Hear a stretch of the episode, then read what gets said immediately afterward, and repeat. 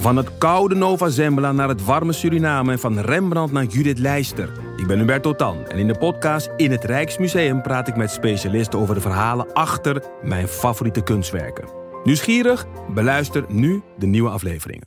Je hoort mensen willen zeggen dat het boek beter was dan de film, maar wij van Boeken FM streven naar om de podcast beter te laten zijn dan het boek.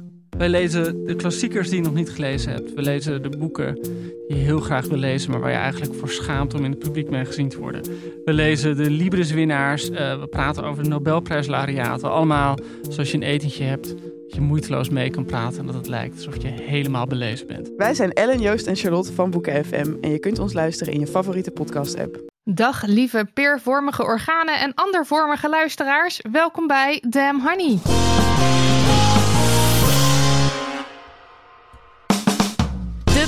Podcast over shit waar je als vrouw van deze tijd mee moet dealen. Mijn naam is Marilotte. En ik ben Julia.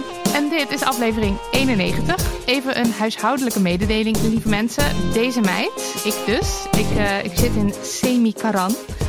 Semi-quarantaine. Um, want mijn allerliefste vriendin Cato, die zit met de corona. Um, met mij is vooralsnog niks aan de hand. Ik ben negatief en klachtenvrij. Maar het leek ons goed om even niet anderhalf uur intens pratend met elkaar in een kleine ruimte te zitten. Dus vandaar dat ik eventjes uh, digitaal intune met, uh, met de anderen. Ja joh, merkt de luisteraar helemaal niks van denk ik. Uh, ik zit wel in de studio en ik zit hier met een oude bekende.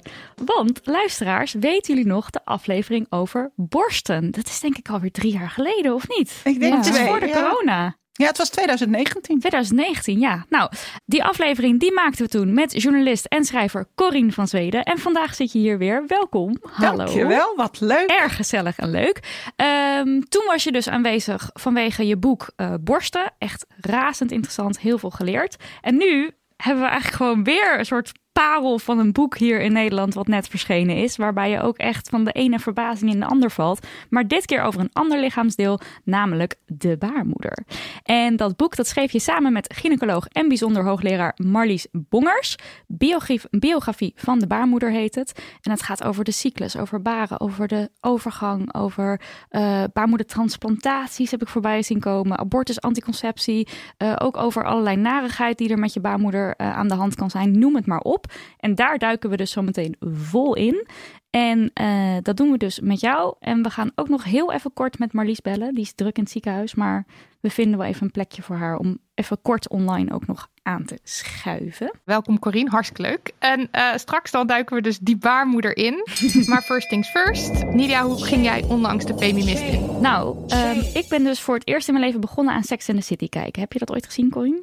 Lang geleden. Lang geleden, ja. Ik ben er dus nu pas uh, bij. En ik kijk het samen met Daniel. Erg leuk.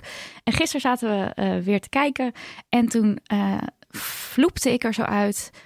jeetje, die Carrie die zit ook steeds zo. ik ging haar heel erg zo nadoen. Van, en toen zei ik zoiets van: Is toch gewoon een volwassen vrouw? En toen dacht ik: Oh ja, um, misschien niet zo heel erg oké okay om iemand na te doen die gewoon lacht. en op haar manier door het leven gaat. Oh, shame on you. Shame on me, ja. Nou ja, Marilot. Ja, um, voor ik begin met deze Femimist wil ik eerst even zeggen dat vliegreizen slecht zijn. Oh ja? Voor het klimaat, ja. En uh, ik vind het bizar dat er nog zoveel wordt gevlogen. Ik vind het bizar dat treinreizen nog zoveel duurder zijn dan vliegreizen. Ik vind het ook heel apart dat mensen voor kleine afstanden, uh, laten we zeggen voor een citytripje binnen Europa, heel makkelijk het vliegtuig pakken. Uh, en ik kan dus best wel judging zijn als ik mensen, kennissen, vrienden, maakt niet uit, hoor vertellen dat ze heen en weer zijn gevlogen naar Barcelona of zo. Um, dat is zeg maar een soort van uh, de staat van zijn van mij. Ik vind de, de situatie dus best wel fucked up.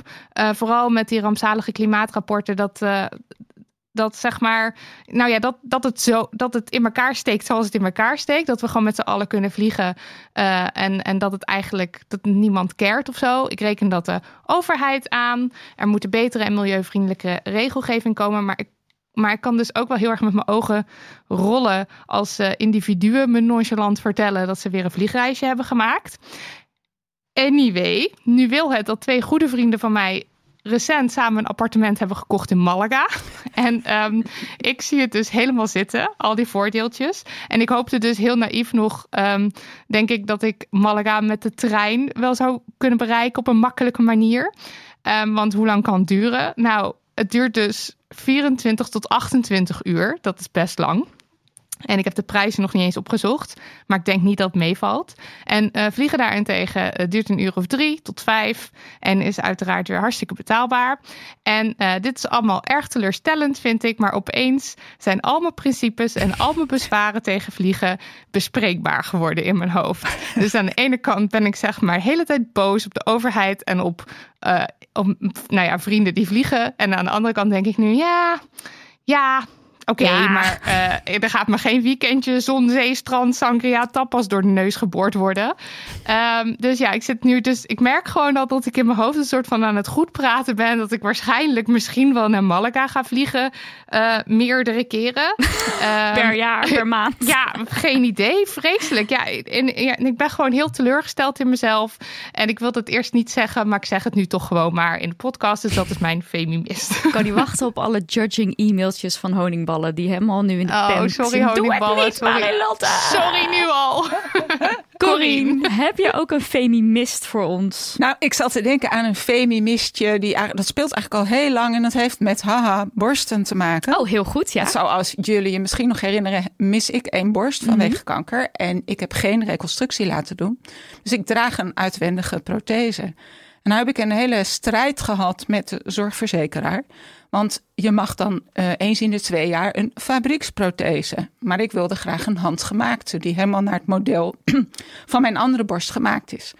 Nou, dat kon eerst helemaal niet en dat wilden ze niet vergoeden. Stel je voor dat je een oog mist en dat ze zeggen: u mag kiezen uit tien fabrieksogen. Ja, kies maar één. Een, een, een, eh, Nou, ik heb nu net gehoord dat ze hem vergoeden, of haar, maar niet de tepel.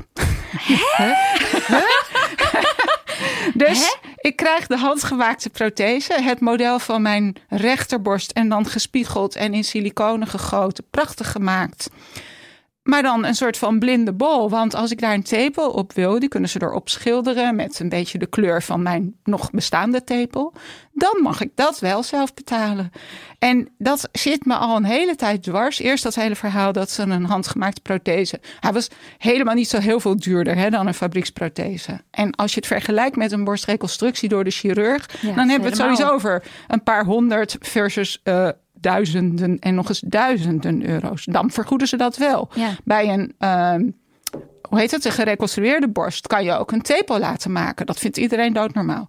Maar als je kiest voor een uitwendige prothese, nee, dan valt de tepel. Dus buiten de vergoeding. Nou, ik vind al de hele tijd dat ik lawaai moet gaan maken over dit onderwerp. Ja. En het lukt me steeds niet om die stap te zetten. En de laatste keer dat ik die zorgverzekeraar of iemand van die zorgverzekering aan de telefoon had, toen werd ik gewoon helemaal emotioneel en boos aan de lijn. En als, dan hoor je zo'n mevrouw denken van, oh ja, hiervoor heb ik een cursus gevolgd om met oh, zulke mensen het om te emotionele type. Zij gaat dan zo zoeken oh, in haar bestandje. Precies. En het liep echt zo niet dat het me...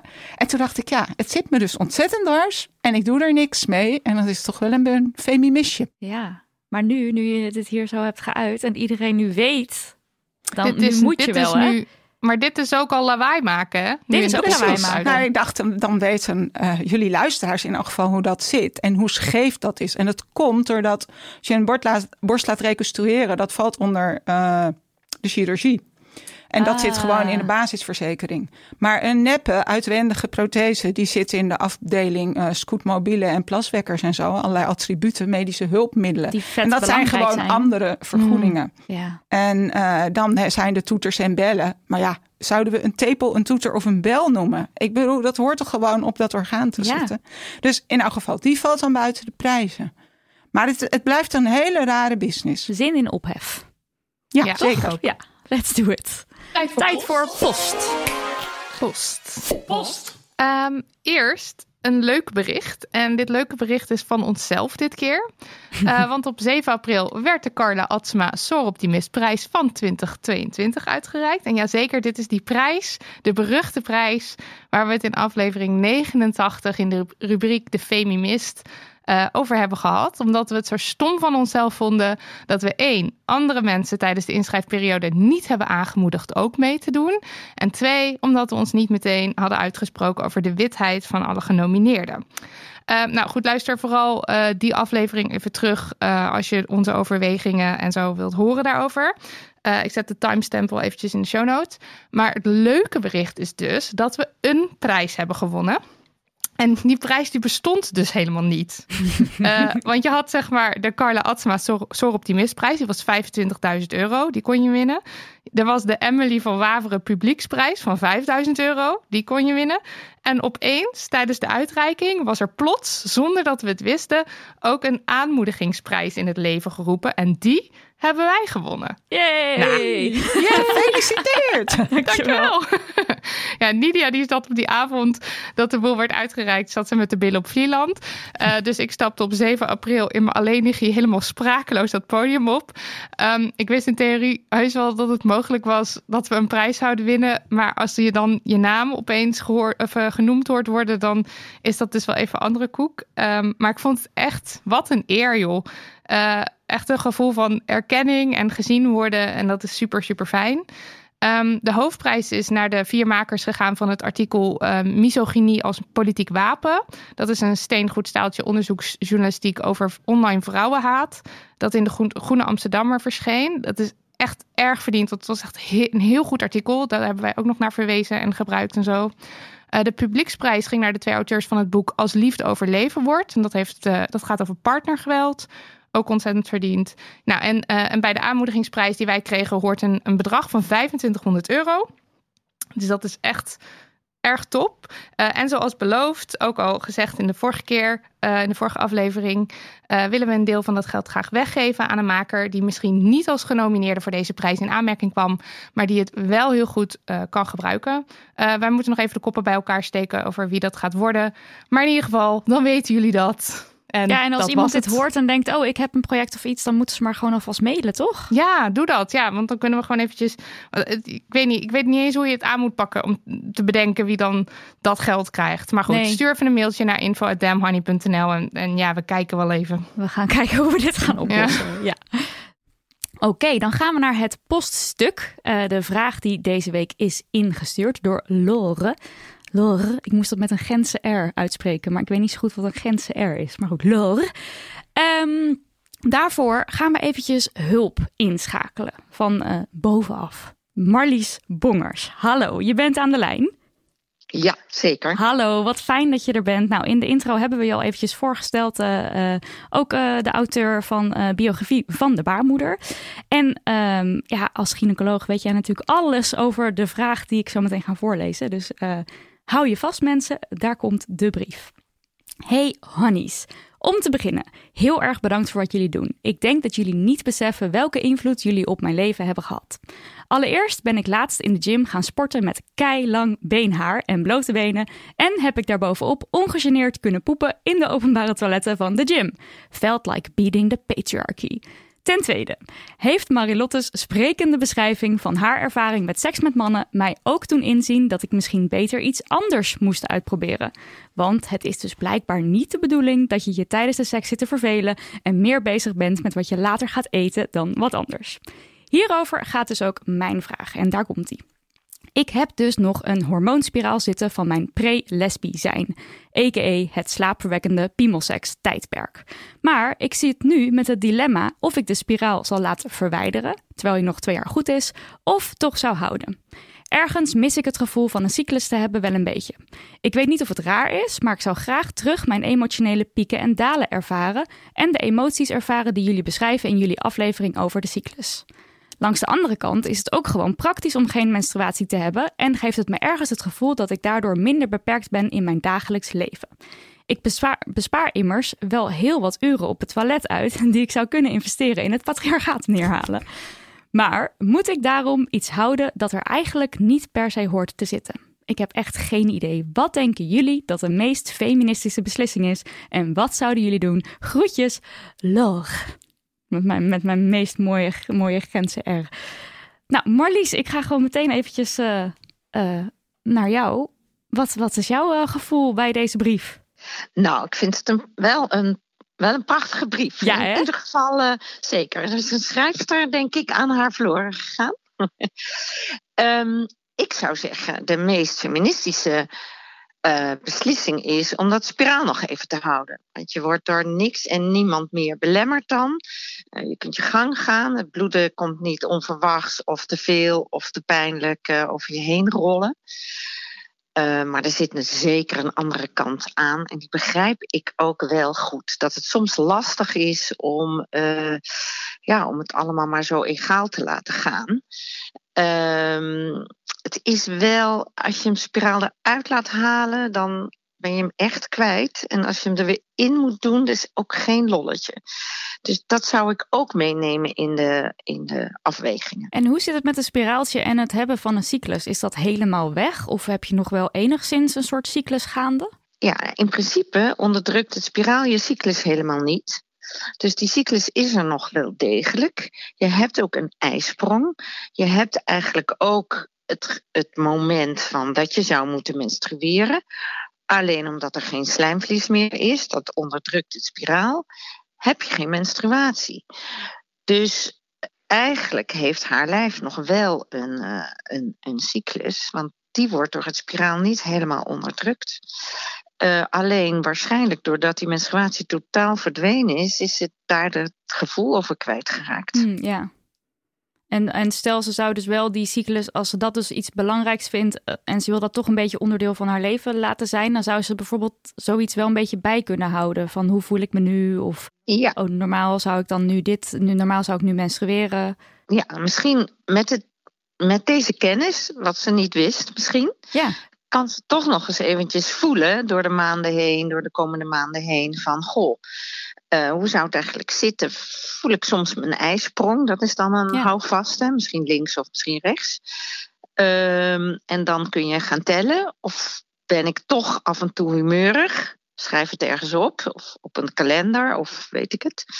En uh, ja, dat kan, uh, dat, dan kan ze toch kijken van... hé, hey, zit er misschien toch een beetje cyclus in? En merk je dat dit, uh, dat dit steeds meer terugkomt uh, in jouw werk? Dat um, mensen met een baarmoeder die met anticonceptie bezig zijn... ervoor kiezen om hormonale anticonceptie te stoppen... vanwege bijvoorbeeld die cyclus? Ja, um, het is echt veel meer... hormonen worden veel zwaarder gewogen nu. Uh, dus het gemak wordt ook nog wel eens gedacht van, hmm, maar wat zijn dan, uh, ja, de nadelen worden echt wel heel erg uh, benadrukt. Ik heb ook het gevoel dat corona daar heeft toe heeft bijgedragen. Hmm. Omdat je toch iets kan overkomen wat je niet in de hand hebt. Dus vrouwen eigenlijk misschien terug willen naar hun eigen lijf en weten dit is van mij. Ik weet niet precies waar het vandaan komt, maar we zien het echt veel. Marilotte, heb jij nog een uh, feministische take on the things? Uh, nou, ik zat, uh, ik, ik, herkende me heel erg in deze situatie. Um, want ik had ook een spiraaltje genomen een jaar of zo voordat het lesbi kwartje viel. um, en ik was mijn, mijn heftige bloedingen heel erg zat. Dus ik heb ook met die overwegingen toen een spiraal genomen. Um, voor mij was de beslissing toen wel best wel duidelijk om hem eruit te halen. Omdat ik dus een heel depressief mens werd van uh, de spiraal. Um, en ik bleef maar bloeden. Dus uh, voor mij werkte heel dat ding niet. En toen heb ik hem eruit gehaald. Maar ik, ik kan me dus gewoon voorstellen dat als ik niet zo'n last had van die mood swings. En uh, als ik inderdaad was gestopt met ongesteld worden. Uh, dat ik hem dan had laten zitten. Dat was het ideaal geweest. Ja, want why not? Weet je wel? En uh, ja, dus ik denk ook, ze vraagt wat is de meest feministische beslissing? Ik denk dat de meest feministische beslissing is de beslissing die jij maakt. Waar als jij de voor- en nadelen hebt afgewogen en je denkt, nou, dit lijkt me nu het chillst, doe dat. Ja. Ja, en minder beperkt zijn in je dagelijks leven. Dat aan zich lijkt me wel een hele goede reden om hem lekker op zijn plek te laten zitten. Ja, precies. Als je, als je geen last hebt. En, want ja, nou ja, ze schrijft het ook, verloren schrijft het ook Log. al. Mooie naam trouwens. Uh, ze schrijft ook al dat. Um, uh, dat het natuurlijk heel veel uh, uren op de wc scheelt en meer bewegingsvrijheid. En ja, dat, dat is gewoon zo. Tenminste, bij mij zou dat heel erg zo zijn. En ik kan me voorstellen dat dat bij veel mensen zo is. en ja, la, laat hem er nog. Ik, ik zou zeggen als je hem nog twee jaar laat zitten en je bent, dan kan je dan zeg maar tegen de tijd dat hij eruit gehaald moet worden, kan je een moment nemen om te kijken, oh, wat vind ik nou prettiger? Ja. En hem dan weer erin doen of niet. Ja. ja, ik denk omdat wij hebben natuurlijk een aflevering gemaakt over menstruatie en over de cyclus. En daar hebben we het ook wel over uh, anticonceptie gehad, hormonale anticonceptie. En ik denk dat mensen daardoor misschien het idee hebben gekregen dat wij een soort anti zijn of zo. Dus dat we tegen de pil zijn of zo. Dat is echt helemaal niet zo. Het is gewoon wat voor jou werkt, dat is de juiste keuze. En het is echt ook niet dat ik vind iedereen moet uh, maar natuurlijk of wat voor termen je daar ook aan zou willen hangen. Echt totaal niet, nee. En ik denk ook dat we vooral uh, willen dat we serieus genomen worden als we met klachten komen, zoals depressieve ja. gevoelens. En dat dat dus ook dat daarnaar geluisterd wordt. En onze ervaring is, zowel die van jou, Nidia, als van mij, is dat er dus niet naar geluisterd wordt of pas heel laat. Ja, of in ieder geval toen. Hè? Dat, dat, is natuurlijk ook alweer een aantal jaar geleden. Ja, precies. Dus, um, maar, maar dat is eerder waar we uh, op hameren dan dat we anti-hormonale anticonceptie zijn. Want voor de mensen die het, voor de mensen voor wie het werkt, toppie. Ja, Marlies, hoe staat het er eigenlijk voor uh, met onderzoek naar um, uh, de gevolgen van uh, hormonen op bijvoorbeeld je gemoedstoestand? Want toen Marilotte en ik dus een tijd terug met klachten naar onze huisarts gingen, werd dat een beetje afgedaan als joh, het zit een beetje in je hoofd of um, gewoon, gewoon doorzetten of weet ik het wat. Kan daar niet aan liggen. Het kan daar niet aan liggen, werd er ook bij jou inderdaad echt gezegd. Um, hoe, hoe staat dat er nu voor? Nou, het kan er zeker aan liggen. We zien echt zo duidelijk dat het bij ieder ieder, iedere vrouw eigenlijk anders is. Dus dat je er super goed naar moet luisteren. Wat wel een beetje zo is dat de bijwerkingen vaak in het begin het ergst zijn. Dus inderdaad is het zo, zeker bij de, bij de anticonceptiepil, dat je even drie maanden door moet zetten. Wat soms best lang is. Als je die eerste maand denkt, dit vind ik echt niks. Mm -hmm, ja. um, maar uh, maar als het na drie maanden niet klopt, Petje, dan moet je echt over op iets anders. Dat is echt zo. En dat geldt voor het Mirena-spiraal ook. Er kunnen echt heel veel akelige bijwerkingen zijn. Van somberheid vooral, hè? maar ook haaruitval, ook uh, acne toch krijgen. Um, ja, dus dat is wel echt bekend en daar, dat, dat weten we en dat geven we ook terug aan vrouwen. Uh, dus ja, er hoeft niet per se heel veel onderzoek naar gedaan worden, want dat is gewoon toch echt. Dat is wel gewoon duidelijk. Ja. ja. En is er dan eindelijk al een anticonceptiemethode in het zicht waarvan je denkt, ja, maar dat zou echt top zijn? Nou, Zeg, dat is nou een superleuke vraag. Uh, Rebecca Gompert, weet je wie dat is? dat is? Ja, dat weten we. Die is ook de gast geweest. Tuurlijk, tuurlijk. Zij heeft uh, mij benaderd om met haar uh, een studie te starten naar een nieuw... Of, het is eigenlijk niet een nieuwe anticonceptie, maar naar een middel... mifepriston wat je ook als anticonceptie kan gebruiken. En uh, nou, daar gaan we dus een subsidieaanvraag voor schrijven. En dan hopen we uh, dat we die studie kunnen gaan doen. Want dat is eigenlijk een, een uh, anticonceptie wat weinig bijwerkingen heeft, wat je één keer per week kunt nemen. nou ja, er zitten allerlei voordelen aan, wat super goedkoop is. Maar goed, dus um, wie weet gaan we dat de, voor elkaar krijgen wie weet inderdaad wat positievere of wat fijnere vormen. Ja. Uh, Corine, um, ik las in het boek ook nog over uh, choice. Ja, dat is helemaal een. Dat is misschien nog wel futuristischer, maar dat is wel waar ik nu een beetje van droom. Niet meer voor mijzelf en misschien niet voor mijn dochters, maar hopelijk dan wel voor kleindochters als die er komen. Dat is een ontwikkeling waar Marlies ook mee te maken heeft. Dat er een soort van klein uh, sluisdeurtje in de eileider wordt geplaatst. En dat kun je dus naar believen open of dichtzetten. Dus dat... dan zou je een knopje hebben voor je vruchtbaarheid. Het klinkt helemaal geweldig. Dan hoef je verder helemaal wow. niks meer. Dat is er nog niet, maar de ontwikkeling is gaande. En mij geeft dat een enorm gevoel van optimisme. Maar dat komt natuurlijk ook omdat ik alle problemen die daar nog aan kleven niet helemaal begrijp. Maar liefst waarschijnlijk wel. Ja. Wij denken gewoon sluisdeurtjes, jee. Precies. Ja, ja, want dat is nog niet zo makkelijk, uh, begrijp ik. Nee, het is zeker niet makkelijk. maar de, maar de, de man die dit uh, bedacht heeft, Peter van der Graaf, die is zo bevlogen. En uh, hij is een techneut. En hij kijkt er dus ook naar. Dus ik ben bij hem aangesloten al een aantal, aantal jaren. Uh, maar elke keer ben ik weer verrast over wat ze kunnen, wat ze bereiken, hoe klein en prachtig uh, dat sluisje uh, nu al is.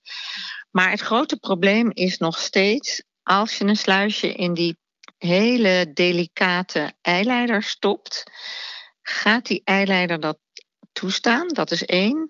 En twee, gaat die eileider met het sluisje open nog net zo goed functioneren als dat er geen dingetje in zit? Hmm, dus ja. kan je nog net zo goed zwanger worden? En dat is natuurlijk de ultieme vraag. Nou, Ja. stay tuned zou ik zeggen, lieve Ja, luisteraar, voor dit geweldige project. Eh, Marlies, heel erg bedankt dat je eh, ondanks je drukke schema in het ziekenhuis vandaag toch eventjes met ons wilde bellen hierover. Ik denk dat we allemaal weer een heel stuk wijzer zijn geworden. Dankjewel. Heel graag gedaan. Dankjewel. Dankjewel. Joe. Graag even aandacht voor het volgende. Op vrijdag 17 juni wordt de Rivius Pelletier penning uitgereikt. En wij zijn heel benieuwd wie volgens jou zou moeten winnen. De penning wordt jaarlijks uitgereikt aan een vrouw die zich inzet voor de positie van vrouwen in de Noord-Hollandse politiek. Vorig jaar kreeg Sylvana Simons de penning. En dat was omdat de jury vond dat zij de onderscheiding verdiende, omdat ze een voorbeeld is voor de volgende generatie vrouwen. En omdat zij zich publiekelijk uitspreekt over de combinatie van seksisme en racisme. En op die manier sociale onveiligheid in de politiek bespreekbaar maakt. Eerdere winnaars waren Devika Partiman, oprichter van Stem op een Vrouw. En Manja van der Weijt, die het initiatief Vrouwen in de Purmerendse Politiek, VIPS met dubbel P, opzette.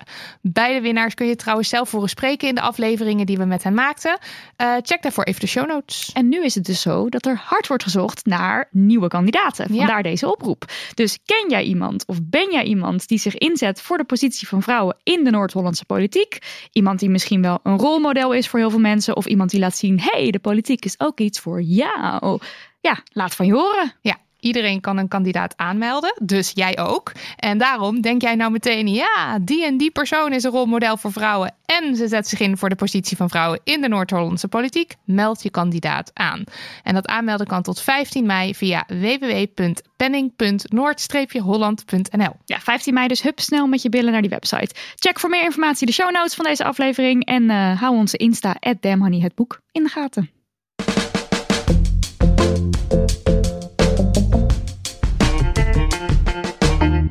We moeten het even hebben over de baarmoeder. Een ingenieus orgaan dat vaak niet begrepen wordt. Corien van Zweden schreef er samen met gynaecoloog en hoogleraar Marlies Bongers het boek Biografie van de baarmoeder over. Yes, en net als vorige keer toen Corine te gast was over borsten, zouden we het ook nu weer urenlang over dit onderwerp kunnen hebben. Want god, het is echt nou, een geweldig, geweldig boek. Iedereen moet het gewoon gaan lezen. Het is barstens, staat ook barstens vol fun en niet zo fun facts. Ehm, en ik dacht, ik wil even een paar fun facts toch wel delen voor die misschien niet in het gesprek ter sprake gaan komen, maar die ik nu de hele tijd ook bij vrienden aan het vertellen ben. Bijvoorbeeld dat de morning after pill is uitgevonden door de Nederlandse arts, eh gynaecoloog, namelijk Arie Haspols.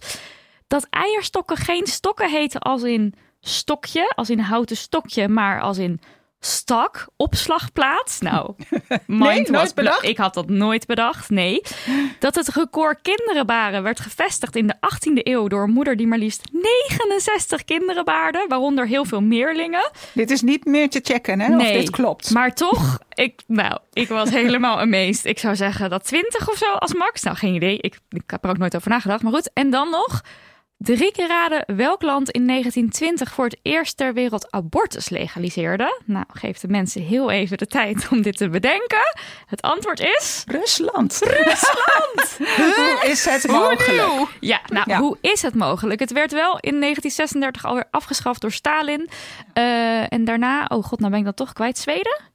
Ehm, Een Scandinavisch ja, land. of IJsland? Nou, ik ben het ook even kwijt hoor. Nou ja, dat moet ik even geval opzoeken. Wel ook al redelijk, redelijk vroeg, ook al geloof ik in de Ja. jaren 30. Ja, in de jaren 38. 30. Dus wij denken altijd van Nederland was een van de eerste. Dat een van de eerste Dat klopt. klopt, Alleen ja. wij zitten er wel echt tientallen jaren na. Ja, 84. En dat Rusland de allereerste was, is natuurlijk een ontzettend grappig feit. Nou. Niet dat vrouwen in Rusland daar nu nog iets aan hebben, maar Nee, toen dus wel. ongelooflijk. Nou, je hoort het. Eh, we kunnen onmogelijk dit hele boek bespreken. Ja. Want we zijn nu al helemaal gaande. Eh, maar het is, gewoon, het is gewoon, er staat te veel in. Dus daarvoor moet je het boek lezen. Eh, maar we gaan even zien hoe, hoe ver we komen in dit gesprek. Ehm, laten we beginnen met de anatomie van de baarmoeder. Zodat we een beetje eh, op een rijtje krijgen. Nou ja, waar we eigenlijk naar zitten te loeren. Zo'n baarmoeder, hoe ziet ze eruit? Van wat voor spul is die gemaakt? Hoe groot is die? Dat. Nou, Een baarmoeder is, en dat had jij al gezegd daarnet, peervormig. En eh, een klein, eigenlijk een beetje een stoofpeertje. En het is een spier, het is een holle spier. En uh, het is de sterkste, een van de sterkste spieren in ons lichaam. En in elk geval met het allergrootste rekvermogen. Want die baarmoeder kan, als dat nodig is aan het eind van een zwangerschap, zichzelf oprekken tot zo'n 500 keer haar oorspronkelijke maat. Dus dat is echt enorm.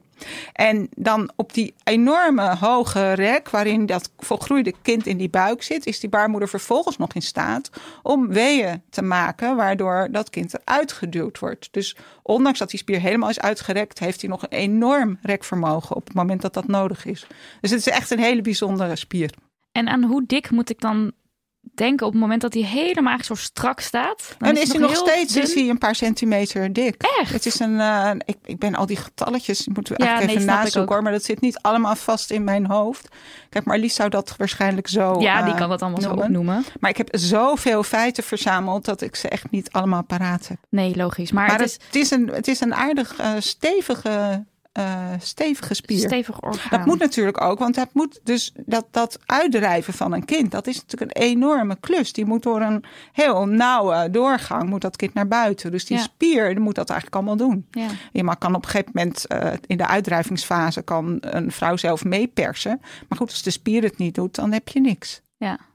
En uh, de, uh, de eierstokken bijvoorbeeld, dat, dat valt ook onder baarmoeder. Hoe moet ik dat dan zien? Nou ja, de baarmoeder is samen met de eileiders één orgaan. Dat zit mhm. ook aan elkaar vast. Dus aan de bovenkant van de baarmoeder zitten die twee, uh, nou, die zijn wel heel dun, zitten de eileiders. De eierstokken zijn eigenlijk twee aparte orgaantjes. Die zitten ook los in de buik. En wat Marlies mij vertelde is, als je aan het opereren bent in de buik, dan vallen die eierstokken onmiddellijk op. Want dat is het enige wat echt wit is in de buik. Dus dat zijn twee witte ja, nootjes, nootvormige orgaantjes. Dat kan je heel duidelijk zien. Ja, en die eitjes die dus in die eierstokken zitten, die springen en dan worden ze opgevangen door de eileider. De eileider eindigt in een soort van trechtertje. Um, en, die, en die vangt, als het goed is, dat eitje op. Ja, dus de eileider. Het zit niet aan elkaar vast. Het is een soort trechtertje. Het eitje springt en de kans is groot dat door het trechtertje wordt opgevangen. Maar de ei, eierstokken zijn aparte organen. Ja, en de eileider zien we dus wel echt als echt wel onderdeel van de baarmoeder. Ja, die zit aan vast. Dus die komt in de baarmoeder uit. Of, ja. ja. Dus het eitje springt uh, vanuit de eierstok in de eileider. En dan zit die dus eigenlijk in de baarmoeder. Ja, dus dan gaat dan op, het eitje reist dan hè, door de eileider heen in de richting van het baarmoederlichaam, van de baarmoeder zelf, door de eileider. En er zitten kleine trilhaartjes aan de binnenkant en uh, er is slijm wat ook helpt om dat eitje te vervoeren. In die periode waarin dat eitje onderweg is, dat is de ideale tijd om bevrucht te worden. Dus als je seks hebt op het moment dat nadat het eitje gesprongen is en het zit in die uh, eileider, dan zou dat tot een zwangerschap kunnen leiden. En dan gaat dat bevruchte eitje, als er bevruchting plaatsvond, dat gaat dan vrolijk op weg naar de baarmoeder om daar een plekje te zoeken om te nestelen. En, nou, en dan gaat het groeien. Als alles volgens plan verloopt, dan heb je negen maanden later een kind. Ja. Ja, en, de kans is denk ik groter dat er geen bevruchting is. Tenminste, dat is, op, dat is in een mensen, baar, baarmoederlijk mensenleven vaker zo. Maar dan gaat het eitje alsnog naar de baarmoeder toe. Het eitje gaat sowieso naar de baarmoeder toe. En de baarmoeder heeft zich in die tussentijd, hè, dus vanaf de ijsprong en daarvoor al, helemaal klaargemaakt om dat eitje op te vangen. Dus die heeft een mooie, dikke slijmlaag gefabriceerd. Waar dat eitje lekker als een bedje in kan rusten. Als er geen bevruchting plaatsvindt, dan uh, is die hele fijne slijmvlieslaag, slijmvlieslaag niet meer nodig. En dat, is, uh, dat wordt dan afgestoten en dat is de menstruatie. Ja. En een buitenbaarmoederlijke zwangerschap, dat is dus bijvoorbeeld in een eileider. Dat is bijvoorbeeld in een eileider, ja. ja. En daar kan het natuurlijk helemaal niet groeien. Dus dan krijg je uh, hele akelige... Het wordt tegenwoordig meestal vroeg ontdekt maar vroeger niet. Uh, want wij, dat, dat heb ik me eigenlijk pas gerealiseerd toen ik dit boek schreef. Wij zijn de eerste generatie en heb ik het over mijzelf als iemand van dan heel eind in de 50. Wij zijn de eerste generatie en misschien mijn moeder ook nog net, die de baarmoeder zelf hebben kunnen zien. Want die echoapparatuur die bestaat pas sinds de jaren 60 of 70 van de vorige eeuw. De MRI is nog recenter. Dus tot die tijd wisten we niet precies wat er gebeurde. En zo'n buitenbaarmoedelijke zwangerschap, dat kon tot ontzettende ellende leiden. En dat kon ook je dood worden als dat daar zat te groeien. En het had geen plek om daar te groeien. Dus um, nu wordt dat bijna altijd heel snel ontdekt. En dan kun je dat weghalen. En op het moment dat, dat, dat we dus nog niet konden zien wat een baarmoeder, hoe dat werkt of hoe dat, wat dat eigenlijk is, hoe, hoe werd er dan gekeken naar de baarmoeder? Ja, dat is het grappige. Als je dan bedenkt uh, dat ook het um, plegen op dode lichamen, dat werd pas vanaf de 15e, 16e eeuw gedaan. Dus tot die tijd hadden echt gewoon geen idee hoe dat eruit zag van binnen. En die baarmoeder, die kende men eeuwenlang alleen maar van die opgerekte staat. Dus als een buik groter werd, dat werd natuurlijk toen ook al, viel natuurlijk toen ook op. Ja. En dat er dan een kind uitkomt. Dus dat het bestaan van de baarmoeder werd niet betwijfeld. Maar waar de baarmoeder precies zat en hoe dat in elkaar zat en hoe groot of klein ze was en wat voor vorm ze had, dat is gewoon eeuwenlang totaal onduidelijk geweest. En er zijn alle mogelijke fantasieën en theorieën en speculaties over hoe dat in elkaar zat. En heel lang is het uh, idee van de wandelende baarmoeder. Is, uh, is een baarmoeder die wandelde een beetje, die, die zwoeierf door het lichaam. En er waren ook uh, allerlei klachten die vrouwen konden hebben. Die werden dan ook veroorzaakt door die wandelende baarmoeder. Want dat was dus heel vervelend. En dan moest die baarmoeder, die moest teruggelokt werden naar de plek waar ze horen. En dat deden ze op interessante manier. Namelijk door, als die baarmoeder veel te hoog in het lichaam zat. Dan kreeg de vrouw in kwestie kreeg heel smerig ruikend spul bij haar neus. En er werd bloemengeur in de buurt van de vagina uh, georganiseerd. en zou die baarmoeder ontzettend schrikken van die viezigheid. En Ja. hup, hup, hup, Terug naar beneden. Terug in haar hok. Nou, dat soort ideeën is heel erg grappig om te lezen. Ja, geweldig. Ja. En ook het idee dat een baarmoeder meerdere kamers zou hebben. En dat er dan één kamertje voor jongetjes en één kamertje voor meisjes zou Ja, zijn. dat is ook een hilarisch idee. En er was ook iemand die dacht dat de baarmoeder zeven kamertjes had. Ja, want zeven is natuurlijk altijd een mooi getal. Zeven is een mooi getal. Waarom niet dan? Ja. Ja. En er zijn dus ook hele grappige tekeningen van hoe ze dachten dat dat in elkaar zat. Maar ik had me nooit gerealiseerd dat het echt, echt mysterie was. Mhm. We wisten het gewoon niet. En ze wisten dus wel dat de baarmoeder iets te maken had met baren. Dat is ook niet heel moeilijk om te zien, hè? want dat, dan is, dat is het moment waarop de baarmoeder zichtbaar is. Maar wat de baarmoeder verder doet en hoe dat dan zat met die maandelijkse bloedingen en hoe precies vruchtbaarheid in elkaar zat, dat wist men niet. Hm. En wanneer is dat voor, zeg maar, wanneer werden de eerste, eerste feiten ontdekt? Nee, dat is een beetje geleidelijk aangegaan. Eh, Maar eh, wat natuurlijk enorm heeft geholpen, is het moment dat ze voor het eerst een menselijk lichaam open gingen maken. Nou zullen ze ongetwijfeld met een mannelijk lichaam zijn begonnen, neem ik aan. Maar goed, toen ze dan op een gegeven moment ook een vrouwelijk lichaam openmaakten, dan kun je zien hoe het in elkaar zit. En dat heeft natuurlijk geholpen. Dus de eerste, zeg maar, redelijk adequate anatomische tekeningen, die komen zo uit de 16e eeuw. Hm. En wat zeker nog meer geholpen heeft in onze tijd, dat zijn al die beeldvormende technieken. Want nu kun je, ja, iemand die nu zwanger is, die kan een zwangerschap dus ook zelf volgen. Want je komt bij de verloskundige en je kan zoveel echo's laten maken als je wilt tegenwoordig. En daar, daar zie je dus eerst een heel klein visje en dan zie je dat hartje pulseren. En, ja, en dat wordt eh, steeds groter en dat kun je dan helemaal volgen. En nu kun je zelfs een filmpje krijgen van eh, het kindje wat zich in jouw buik ontwikkelt. En ik bedoel, toen ik zwanger was, was het nog zo van dat ze een beetje zuinig waren met de hoeveelheid echo's. Mhm. Maar inmiddels is er, geloof ik, is dat soort van onbeperkt. Kun je ook pret-echo's laten maken. Dus ja, maar ook baarmoederkwalen kun je nu veel beter eh, detecteren. Want je kunt ze gewoon zien. Ja. Ja, ik heb een keer een, eh, een echo, eh, echo gehad van mijn baarmoeder vanwege dus die heftige bloedingen die ik had. En toen kon ik ook meekijken op dat schermpje. En toen zei degene die de echo afnam, e- echoscopiste, denk ik, eh, die zei ook iets van, eh, oh nee, je baarmoeder ligt er mooi, mooi bij. vond ik dan toch, vond ik dan toch een compliment. Dus het is toch wel heel leuk om dat dan van binnen te kunnen zien.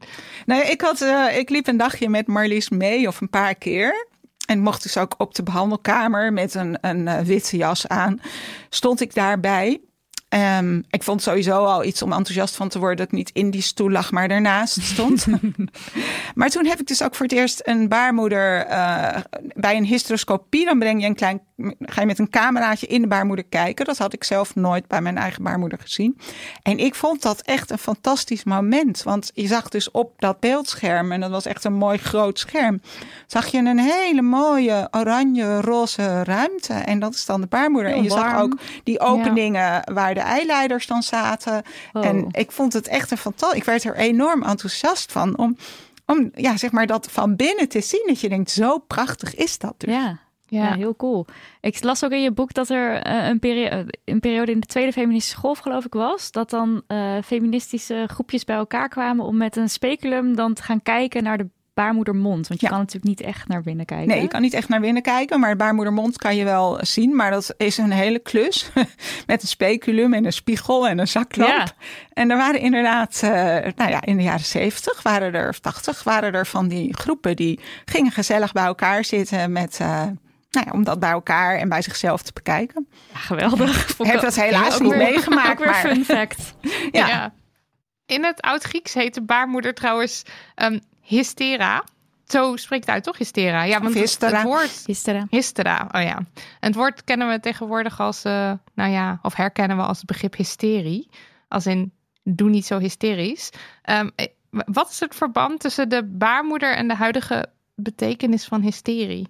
Nou ja, het, is een, eh, een heel duidelijk verband. Ze hebben al heel vroeg gedacht, ook al in de oudheid, dat allerlei um, moedswings waar vrouwen aan lijden en somberheid en uh, dat ze zich enorm op kunnen winden of dat ze heel boos kunnen worden, whatever. Dat zou allemaal veroorzaakt worden door hun baarmoeder. Dus die link tussen baarmoeder en, en nou ja, hysterisch, wat we dan hysterische uh, moet noemen. Dat is al heel vroeg gelegd. Dus het is gewoon een baarmoederziekte. Dus hysterisch betekent gewoon dat je uh, last van je baarmoeder hebt. Ja, maar dan wel dat het zich uit op. Ja, ja. dus er eigenlijk alles wat ze niet konden verklaren, werd dan uh, daaraan toegeschreven. Alle mogelijke problemen die vrouwen konden hebben. Ah ja, dat lag allemaal aan de baarmoeder. Dus het is een heel, heel oude connectie die gemaakt wordt. Dus niet alleen uh, tussen, zeg maar, wat wel door de baarmoeder veroorzaakt wordt, namelijk krampen en pijn als je ongesteld bent en heel veel bloed als je pech hebt. Of, uh, wat heel duidelijk door de baarmoeder wordt veroorzaakt, maar ook allerlei uh, psychische problemen of klachten of in elk geval stemmingswisselingen. Het werd allemaal heel duidelijk al aan die baarmoeder gerelateerd. En daar was dan ook later een, op, een oplossing voor, want dan kon je eventjes uh, jezelf laten masseren, toch? Ja, nou dat, dat is in de tijd van Freud. Dus we, we, we springen heen en weer heel, in, heel uh, door verder, de eeuwen. Ja. Maar um, ja, die had dus gedacht dat een baarmoeder die... Um, die niet in bedrijf is, in de zin van dat, uh, dat een vrouw zwanger is, of kinderen aan het baren is, of kinderen aan het voeden is. Uh, dat veroorzaakt klachten. Dus dat veroorzaakt hysterische klachten. Dus somberheid en ongenoegen en boosheid en woedeuitbarsting en noem het allemaal maar op. En dat kan eenvoudig worden opgelost door een bekkenbodemmassage. Nou, dat was eigenlijk gewoon ervoor zorgen dat de vrouw klaar kwam. En ze stonden in de rij, de dames in die jaren, de dames van stand die het konden betalen, voor de bekkenbodemmassage bij hun arts. En die artsen, die kregen daar een lamme arm van. En dit is, dit is het moment waarop de vibrator ontwikkeld is. Want dan werden gewoon ze wat even- minder moeder van. Ja. Gewoon even een apparaat erop en dan eh, was alles somber weer weg. Maar goed, het hele hysterisch en hy- hysterie en zo, ja, dat is natuurlijk ook wel weer. Want nu wordt het, of toen ook, wordt het dan toch gebruikt om een soort van de, de kwaaltjes en de, nou de vrouwenkwaaltjes, zeg maar, een soort van weg te zetten. En gewoon, ach, nou ja, de vrouwtjes, die zijn, die zijn nu eenmaal emotioneel. Nee, ja, dat is ook een beetje het, het trieste van het hele verhaal. Hè? Want dat, ze dachten in de oudheid ook dat menstruatie was het afvoeren van afvalstoffen en van giffen en soms van onverteerd voedsel. En dat hele proces had het superieure mannenlichaam niet nodig. Dus er is altijd zo rond die baarmoeder. eh, Ja, het zijn eigenlijk die twee kanten. Aan de ene kant vereren we de baarmoeder. Want zonder de baarmoeder was geen van ons op, op aarde. Het is voor ons allemaal ons eerste thuis geweest. Dus dat is geweldig. Een baarmoeder kan baren. En uh, daar hebben we een hoop aan te danken. Maar tegelijkertijd wordt die baarmoeder ook altijd een beetje bedreigend en akelig gezien. En dat bloeden is gevaarlijk en, en vervelend. En veroorzaakt allemaal rare klachten. Maakt vrouwen een beetje gek en hysterisch. Dus die twee kanten, die enorme ambivalentie van hoe over dat orgaan gesproken wordt, dat vond ik echt fascinerend. En wat ik, wat mij ook wel, wat ik niet wist, is dat is natuurlijk eigenlijk wat ik in dat boek over borsten ook ontdekte. Want bij borsten heb je ook die twee kanten die zo extreem zijn. Dus de borsten voor, voor nou ja, het voeden. En dat is zelfs soms bijna heilig met een Madonna met een kindje aan de borst. En die andere kant van de pornoborst en de verleidelijke borst en, en alle akelige kanten. Dus ik ken geen mannelijk orgaan waar zulke ambivalenties uh, bij zitten. Waar je zulke tegengestelde opvattingen over vindt. Dus dat is echt wel iets om over na te denken. Dat we dat dus aan vrouwelijke organen aan de ene kant dat heilige koppelen en het hele speciale en bijzondere. En aan de andere kant is het ook altijd weer vies en verwerpelijk en bedreigend en gevaarlijk. En dan op het moment dat je dus vroeger uh, ongesteld werd, dan had je dus eigenlijk geen idee wat, wat nou precies de hoe dat dan kwam en zo. Maar dan werd er dus gezegd van dat zijn afvalstoffen. Ja. Of zijn Ja. er ook allerlei verschillende theorieën? Of Er zijn vast nog veel meer theorieën over. Maar wat ik me ook nooit gerealiseerd had, ongesteldheid kwam wel veel minder voor dan tegenwoordig. Omdat eh, zodra een meisje vruchtbaar was, eh, waren er vaak al heel snel zwangerschappen. Mm. Eh, die werden gevolgd vaak ook door lange tijd van borstvoeding geven. En dan ben je sterk verminderd vruchtbaar, maar menstrueer je vaak ook nog niet. Ehm, en dan kwam er ook vaak weer een volgende zwangerschap. Dus eh, vrouwen hebben in, in vroeger eeuwen veel minder dan wat wij nu hebben. We baren tegenwoordig gemiddeld nog 1,55 kind per vrouw in Nederland. Ehm, dus de tijd dat die baarmoeder met baren en zwanger zijn bezig is in het leven van iemand met een baarmoeder beslaat een paar procent. Terwijl vroeger was dat, vrouwen werden niet zo oud, lang niet iedereen bereikte überhaupt de overgang. Ja. Eh, heel veel vrouwen stierven ook in, dit, eh, in die vreselijke processen van zwangerschap en zeker ook bij het baren. Dus het, de baarmoeder was veel meer in bedrijf in de zin van dat daar eh, een kindje in groeide. En het menstrueren was een minder eh, vaak voorkomend dan nu. Wij menstrueren al zoiets van 400 keer in ons leven, wat echt enorm veel is.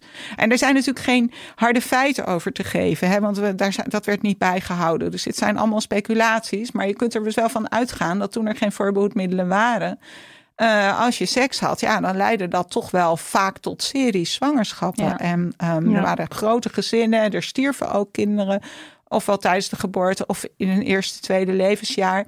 En dan hup, weer volgende zwangerschap. Dus dat hele, hoe wij nu leven en dat wij nauwelijks meer, eh, of nog maar een paar procent van ons leven bezig zijn met zwanger zijn en baren. En de rest van de tijd maandelijks door die hele cyclus heen moeten, dat is ook een relatief nieuw. ja. Maar dan was het dus een soort, soort zeldzaam ding dat mensen ongesteld werden. En dus werden er een soort van. eh, ofwel, het is, het is eh, afvalstoffen eh, laten afvloeien. Of er werden ook wel magische of, of soort onreine Ja, ehm dat- Nou, het was niet facetten aangeknoopt. Echt zeldzaam was het niet, maar het kwam wel. Het was niet zo dat je jaar in, jaar uit in je jonge jaren. hè, nu, nu krijgen vrouwen in Nederland op hun, ik geloof 29, komma nog wat, hun jaar hun eerste kind. Dan zijn ze vaak al, al 12, 13, 14 jaar, jaar in, jaar uit aan het menstrueren. Dus het is niet dat het vroeger zeldzaam was. Natuurlijk werd er gemenstrueerd, maar niet zoveel als nu. En, eh, en daar werd raar tegen aangekeken. En het was vies en het was lastig. En er deden allerlei verhalen de ronde. En allerlei huismiddeltjes die konden helpen of niet konden helpen. Dus het, het was heel anders. En je had natuurlijk ook nog geen menstruatieproducten. Dus dat bloeden was ook een behoorlijk eh, vervelende aangelegenheid. En hoe Als je je dat op had. dan? Ja, lappen en doeken. Dat, dat is eigenlijk de oudste remedie. Er zijn natuurlijk ook veel culturen waarin vrouwen, eh, zolang ze ongesteld zijn, in aparte, een aparte hut zijn of zo. Dus dat niet alle anderen ook met dat bloeden eh, te maken hebben. Maar de uitvinding van een maandverband, ja, dat klinkt natuurlijk raar. Want we zijn, dat zijn een soort luiers waren dat in de begintijd. Maar die persoon die dat heeft uitgevonden, dat is toch echt ook wel een enorme verbetering geweest. Om nog maar te Ja. zwijgen van de uitvinder van de tampon. Dat is helemaal fantastisch. Ja. En, t- Ja, je en de menstruatiecup. Ja, Ook. De dat cup. is een hele grote verbetering. Eh, je hebt natuurlijk, je hebt dan dat taboe van vroeger, maar jij hebt ook al gekeken voor het boek van hoe staat het er dan nu voor? Wat kan je dat schetsen? Nou ja, het, het is niet weg, hè, taboe. Nou, dat weten jullie ook heel erg goed. Daar hebben jullie ook al vaker over gesproken in de podcast. Ehm, ik denk die oude noties van, van die, die baarmoeder die twee kanten heeft. Van iets, iets heel speciaals en bijzonders en misschien wel bijna heiligs. eh, maar ook iets gevaarlijks en bedreigends. En het bloeden is vies en die pijn is naar en, enzovoort. Dat zit ook nog steeds in onze cultuur. Dus Ja. dat bepaalt ons nog steeds. En ik denk dat je nog steeds ook, ja, dat kan ik niet beoordelen, maar ik denk dat bijna alle jonge meisjes ook nog denken van, oh, oh, dit is toch een beetje beschamend. Ehm, hoe, als, je, als je verkouden bent, leg je papieren, pak je papieren zakdoekjes, leg je gewoon op je bureau. Ehm, maar wie legt er een pakje tampons op haar bureau Ja. als ze ongesteld Nou, is? Leuk, leuk dat je het zegt. Maar er zijn, we, hebben, we hebben, denk ik, een week of twee weken geleden nog een post gemaakt hierover. Omdat ongeveer het grootste merk in Nederland wat tampons verkoopt, namelijk OB, had laatst nog een reclame waarin er een meisje te zien is. En dan staat eronder drie manieren om je tampon te verbergen. En dan heeft ze als voorbeeld in je BH, uh, in het elastiekje van je staart en uh, um, uh, verstoppen in de, in de broekspijp ergens. En dan rol je je broek om. Dat was de reclame. Manieren nou, 2022. Om je ja. ja. Dit en was, er... hele leuke opgewekte dame die dan zo, een beetje zo met die paardenstaart zo heen en weer zwiert. Terwijl ze zo heel vrolijk die tampon ja. Ja, verstopt. Het was echt, ik dacht ook, we zijn hier toch voorbij. En zeker bij OB zijn ze toch bezig met een soort van het gesprek opengooien. Stigma weg, uh, schaamte weg, ga toch, ga toch weg. Maar dat, dat is dus niet zo, want zelfs OB komt nog met dit soort missers. Ja. Ja, het is wel ongelooflijk, hè? En ik, dat, dat dat nog steeds iets is om je zo voor te schamen. En dat je dus aangeleerd wordt om dat een beetje geheim te houden en te verstoppen. En dat meisjes dat onderling ook doen. Ik herinner me van mijn eigen middelbare schooltijd dat de jongens op een gegeven moment helemaal gefascineerd waren door uh, ongesteldheid. En die gingen dus de hele tijd de tassen van de meisjes uh, afpakken. En die keerden ze dan om. En dan rolden dus de boeken en de pennen eruit. En dan hoopten zij natuurlijk dat er dan ook een toilettasje met tampons uit zou rollen. Of nog beter, dat er zomaar uh, verpakte tampons uit zouden rollen. Wij vonden dat echt verschrikkelijk. Dus wij beschermden onze tassen met hand en tand. Want stel je voor. Nou, ik zou toch zeggen, dat hebben we gehad, dat tijdperk. Maar dat is dus nog steeds wel aan de hand. Nee, en als ja. een, een tamponmerk daar dan ook nog eens in de reclame naar verwijst, ik kan bijna niet geloven. Ja. Nee. Ja. Het is gewoon nog altijd gaande. Wel eventjes een noot, want we, hebben het nu af en toe over jongens, meisjes. En uh, ja. dat wordt ook in je boek wordt dat ook meteen benoemd. Niet alleen vrouwen en meisjes menstrueren of hebben een baarmoeder natuurlijk. Ook non-binaire mensen, transmannen. Uh, dus dat toch eventjes uh, gezegd hebbende nog een keer hardop zodat het maar nog een keer ja, en, uh, en je laat ook een, uh, een transman aan het woord uh, erover. Over ja. um, een baarmoeder hebben. En nee, maar dat is natuurlijk ook heel recent dat, dat mannen kunnen baren. En dat, dat kan dus als een trans man in transitie is, maar de baarmoeder nog heeft. En dan kun je dus een zwangerschap nog bewerkstelligen in een lichaam wat al verder in uh, mannelijk eruit ziet. Dat is heel nieuw. Het zou best kunnen dat dit al veel eerder ook is geweest. Ja, want je hebt natuurlijk in het boek wordt uh, de eerste transman genoemd die uh, een kind heeft gebaard. Maar dat is natuurlijk ja, de eerste transman die wij kennen. Want er zullen duizenden transmannen uh, voor deze transman zijn geweest die ook een kind hebben gebaard. Precies. En op een andere manier ja. misschien het transman uiten. Dat weten we, weten we helemaal niet. Nee. Maar ja, dat is natuurlijk allemaal niet gedocumenteerd, gedocumenteerd. Nee, deze persoon is een Amerikaanse man. Die, die is dus via Google ook vindbaar en is ook in het nieuws geweest als de eerste man die ooit gebaard heeft. Terwijl ik denk dat dat niet zo is. Ik nee, denk ook dat uh, dat al veel eerder is gebeurd. En uh, ook non-binaire personen hebben gebaard. Ja. Dus dat is eigenlijk een beetje raar om één iemand aan te wijzen. Ja, de eerste waarvan het dan nu zo duidelijk uh, in het ja. nieuws is. Ja. Zo kan je het natuurlijk wel zien. Dan eventjes door met alles wat er eigenlijk mis kan gaan met de baarmoeder. Want dat is ook nou niet mis. Wat zijn nou veel voorkomende klachten of aandoeningen? Nou, er zijn dus klachten die ontzettend veel voorkomen en waar toch nog steeds niet zo heel veel over bekend is. Dat is Marlies haar werk. Mm -hmm. Zij is echt ook leraar in de menstruatiestoornissen.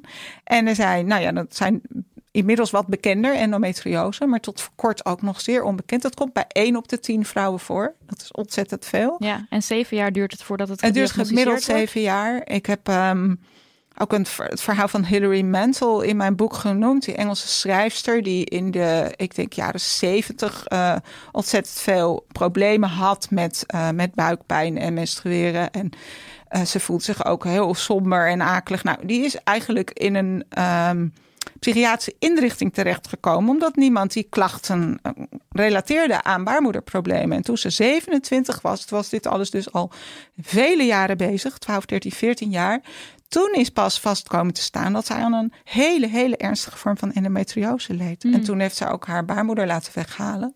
Omdat het echt, het was zo reddeloos akelig allemaal, dat er was geen andere optie meer. Ja. En al die jaren was dat niet gezien en lag het aan haar. En zeiden artsen van ja, ze studeerde. Zo'n ambitieuze jonge vrouw. Ja, die krijgen Stress. overal problemen van. Dat is stress en zo. Dus zij, en ze is uiteindelijk tot en met een psychiatrische inrichting aan toe. Dus Ja. het is echt ook niet lang geleden dat nee, dat maar dit nog is natuurlijk gebeurde. nog steeds gaande. Want wat je nu met die bijvoorbeeld long covid, daar hebben we ook onlangs een aflevering over gemaakt. Dat, dan zie je ook weer van ja, maar jij hebt stress. Dus jij, dat is niet, dat heeft niks met die covid te maken. Jij bent gewoon eh, een soort burn-out heb je nu. Het wordt, het wordt heel snel al bij vrouwen daarop afgeschoven. En dat geldt ook voor de overgang. Dus heel Ja. veel vrouwen in de Ja. overgangsjaren, opvallend veel, krijgen de diagnose burn-out, worden soms ook naar huis gestuurd met antidepressiva. Terwijl wat er aan de hand is, is een hormonaal probleem. Of het is niet eens een probleem, het is hoe de natuur het helaas dan op, geregeld heeft. Dat dat afbouwen van die hele cyclus, dat dat niet zo'n ontzettend vrolijk proces is met soms heel veel ernstige klachten. Maar die, ja, om dan thuis te komen zitten met een depressie, dat is natuurlijk wel wat anders. Dus het wordt vaak gewoon niet gezien Nog en niet gerelateerd aan hormo- hormonale problemen. Het geldt voor endometriose, het geldt ook voor myomen. Dat zijn, eh, dat worden ook wel vleesbomen genoemd. Nou, dat is een beetje een naar woord, want als je denkt aan een boom, dan denk je aan een of ander iets met takken en uitgroeisels. Dat Ja, is het heel vervelend niet. woord, ja. Een heel naar woord. Daarom heeft Marlies ook voorgesteld om dat woord af te schaffen, omdat het eh, hele verkeerde associaties geeft. En zij noemt het spierbollen. Ja. En dat zijn het eigenlijk ook. Het is, het is een soort van uitgroeisel in de spier. Het is een bolletje. Het kan klein zijn, maar het kan ook een vrij grote bol zijn. Het kan op een steeltje zitten of een stengeltje zitten. Maar dat zijn geen bomen in elk geval. Het zijn bollen. Mhm. Eh, dat wordt ook niet altijd onmiddellijk gediagnosticeerd. En, dan kan je daar kramp van krijgen. Of wat voor Ja. klachten moet ik aan denken? als je, een, je kunt, die spierbollen kunnen dus in de baarmoeder zelf zitten, in de, in de wand van de baarmoeder. Maar ze kunnen ook eh, in de baarmoederholte zitten. En eh, ja, een baarmoeder is gewend om dat wat in haar zit eruit te krampen Ja. bij een menstruatie of als een kind eruit geduwd moet worden. Dat probeert de baarmoeder ook met zo'n spierbol. En dat leidt tot heel veel pijn en ellende. Ja. Het kan toch ook zijn dat je meer, meer bloed. Want ik, ik dacht Ja. dat ik mijn echoscopie ook kreeg. Omdat, eh, omdat ze op zoek waren naar spierbollen. Nee, klopt. Ja. Dus je hebt ook heviger bloedverlies vaak daarvan. En meer Ja. pijn en meer krampen. En nou ja, kijk, hevig bloedverlies, dat kan van allerlei oorzaken hebben. En het is niet altijd. eh, kan veroorzaakt worden door zo'n myoom, door zo'n spierbol. Het kan natuurlijk ook endometriose zijn. Het kan ook gewoon zijn dat, of gewoon tussen aanhalingstekens, dat jouw baarmoeder daarvoor voor hele extreme bloedingen zorgt. Dus Marlies eh, krijgt patiënten op haar spreekuur en moet, dan moet eerst uitgezocht worden wat er eh, aan de hand kan zijn. ja. Ja, en soms, soms is het gewoon zo. Ja, en het komt ook wel voor, maar ik weet niet of, of het bij jou heel vroeg was. eh, maar je hebt in die eerste jaren dat een meisje ehm, net begint te menstrueren, eh, is er nog niet altijd een ijsprong. Ehm, dat is bij sommigen wel, maar bij anderen niet. En dan heb je soms dat het maar door blijft bloeden. En dat heet menorrhagie de jeune vierge. En dat is het best een heel akelige aandoening, omdat je bent dus nog heel erg jong. en Je wordt voor het eerst ongesteld. En het is meteen ontzettend extreem met heel, heel, heel veel bloed. Dus dat is vaak ook veel pijn. Maar het is een ontzettende schok als je van, van de allereerste keer af aan meteen te maken hebt met zulk heftig bloedverlies. Dat komt ook redelijk veel voor. Dan, dat moet gewoon, meestal is het beste om dat toch te behandelen met iets van hormonen, van de, eh, de pil. En als je dat dan een jaar of anderhalf jaar doet, dan is daarna, kun je er ook rustig weer mee stoppen als je dat wil. En dan is die cyclus inmiddels normaal geworden. En zijn er wel ijsprongen en neemt dat enorme bloedverlies ook af. Ja, ik had daar ook nog nooit van gehoord, maar het lijkt me heel naar als je op je dertiende in zo'n heel bloedbad te maken hebt elke maand. Ja, en Ja. vervolgens dat de omgeving eh, niet altijd eh, doorheeft hoe heftig het natuurlijk is. Want je, ja, je kan het ook niet altijd zien. En dat de reactie ook veel is, wat ook echt in jullie boek wel veel voorbij komt, is dat hoort er nou eenmaal bij. Ja, dat is dus echt een zinnetje wat de hele tijd gebruikt wordt als het over deze problemen gaat. En dat zinnetje, dat geven wij eh, aan elkaar door als vrouwen en vriendinnen. Dat geven moeders aan dochters door en tantes aan nichtjes en huisartsen aan patiënten.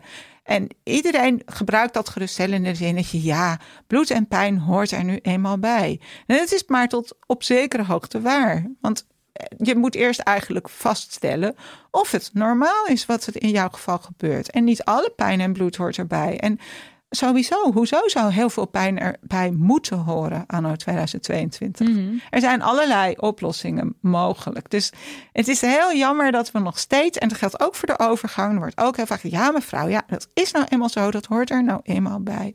Dus heel veel van de best wel pittige problemen waar vrouwen mee te maken hebben, worden weggewimpeld. Ja, En je kan je echt afvragen, en ik vraag het me ook af, wat als mannen dit soort pijn hadden? cismannen, ja, precies. Ja, Zouden, dan, eh, zouden we er dan ook op deze manier over praten? ja. ja. Of waren er dan al lang allerlei remedies? ja, en dat zoiets als endometriose dus zeven jaar duurt, dat, zal, dat zit hem natuurlijk deels in dat er eh, niet altijd evenveel geld naar onderzoeken eh, gaat.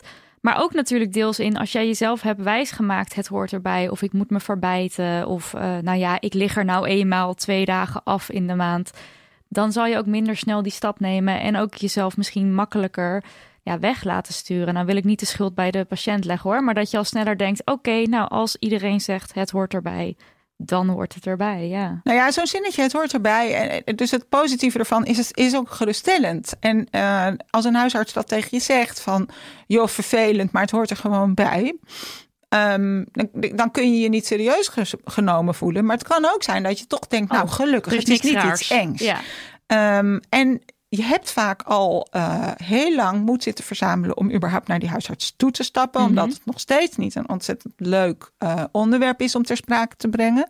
Omdat de onderzoeken die erbij horen ook door veel, met name jonge meiden, vrezen dat ook de eerste keer dat je dat moet doen, moet laten doen. Dus ehm, als je dat eenmaal gedaan hebt en je bent naar die huisarts gestapt en ah, die huisarts zegt, nou ja, het valt allemaal mee, dat is heel gewoon, het hoort erbij. Dan is dat ook een enorme geruststelling. Je kan het de pijn allemaal en het bloeden gaan gewoon door. Je hebt er nog steeds enorm veel last van. Maar het duurt misschien wel jaren voordat je opnieuw aan de bel trekt. ja.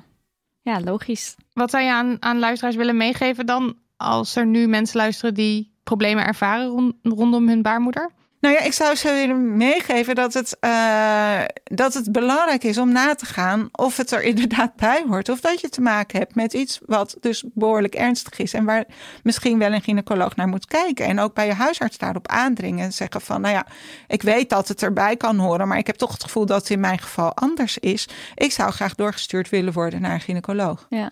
Want het is natuurlijk lastig om dat voor jezelf vast te stellen. Maar als jij enorm veel bloedverlies hebt en je ervaart dat als extreem, dan is dat eigenlijk al reden genoeg om je te laten doorsturen. ja. En hetzelfde geldt eigenlijk voor pijn, want pijn kunnen we ook niet goed meten.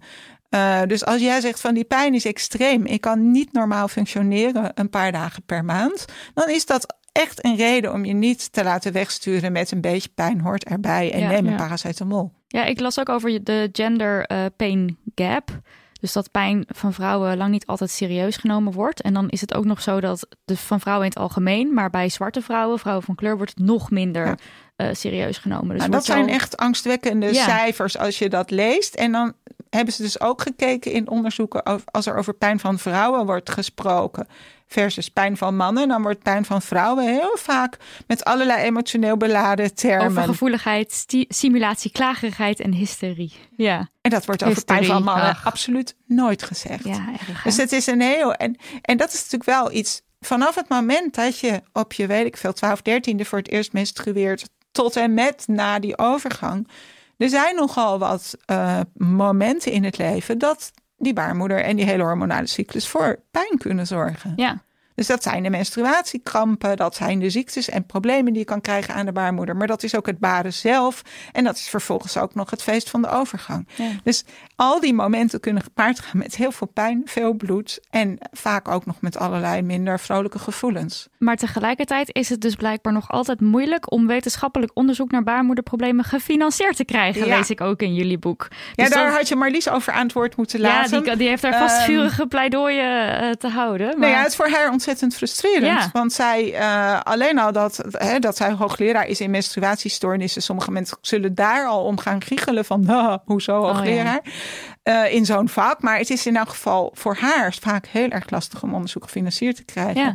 En onderzoek naar allerlei eh, hele geavanceerde en slimme vruchtbaarheidstechnieken, dat staat veel hoger in aanzien. En daar gaat het geld veel makkelijker naartoe. Zijn enorm gericht op die taak van de baarmoeder Ja. van het voortbrengen van nieuw leven. En daar is ook, zijn enorme eh, fascinerende stappen gezet. En dat wil ik ook helemaal niet ontkennen. Maar wat een baarmoeder in die, de rest van het leven met een baarmoeder allemaal kan veroorzaken. Er is relatief weinig onderzoek naar gedaan. Ehm, en dat wordt ook niet. Het is niet in de meeste gevallen niet levensbedreigend. Hè. Je kan dus veel bloedverlies hebben en je daar heel ellendig van voelen. Je kan daar ernstige bloedarmoede van krijgen. Dat kan, als het heel extreem wordt, wel levensbedreigend worden. Maar in principe zijn die baarmoederklachten zijn goed aardig, de meeste. Ehm, maar ze veroorzaken ontzettend veel last. Ja. Maar dus voor het onderzoek is dat al een beetje lastig. Want we zeggen, nou, het hoort er gewoon bij. Um, het is niet levensbedreigend. Dus kom, laten we het geld in kanker steken of zo. Ja, maar wat. ja, ja, ja ik had dus wel gelezen, dat had iemand naar ons doorgestuurd, dat in Frankrijk nu er geld is vrijgekomen voor endometriose. En dat was al een goede klap geld ook, geloof ik. Ja, dat is een enorme klap geld. Er zijn ook meteen in, uh, in de Tweede Kamer ook vragen over gesteld van moeten wij dat niet ook gaan doen. Het is natuurlijk toch wel heel raar dat een behoorlijk ernstige ziekte, waar één op de tien vrouwen of mensen met een baarmoeder aan lijdt, dat daar eigenlijk de oorzaak daarvan kennen we nog steeds niet. En de behandelingen daarnaar, ja, die zijn ook, daar is nog niet heel veel duidelijkheid over wat nou werkt en wat niet werkt. Ja. Nou, het is in ieder geval fijn dat een land als Frankrijk daar nu onderzoek naar gaat doen, want daar profiteert natuurlijk ook de hele wereld van.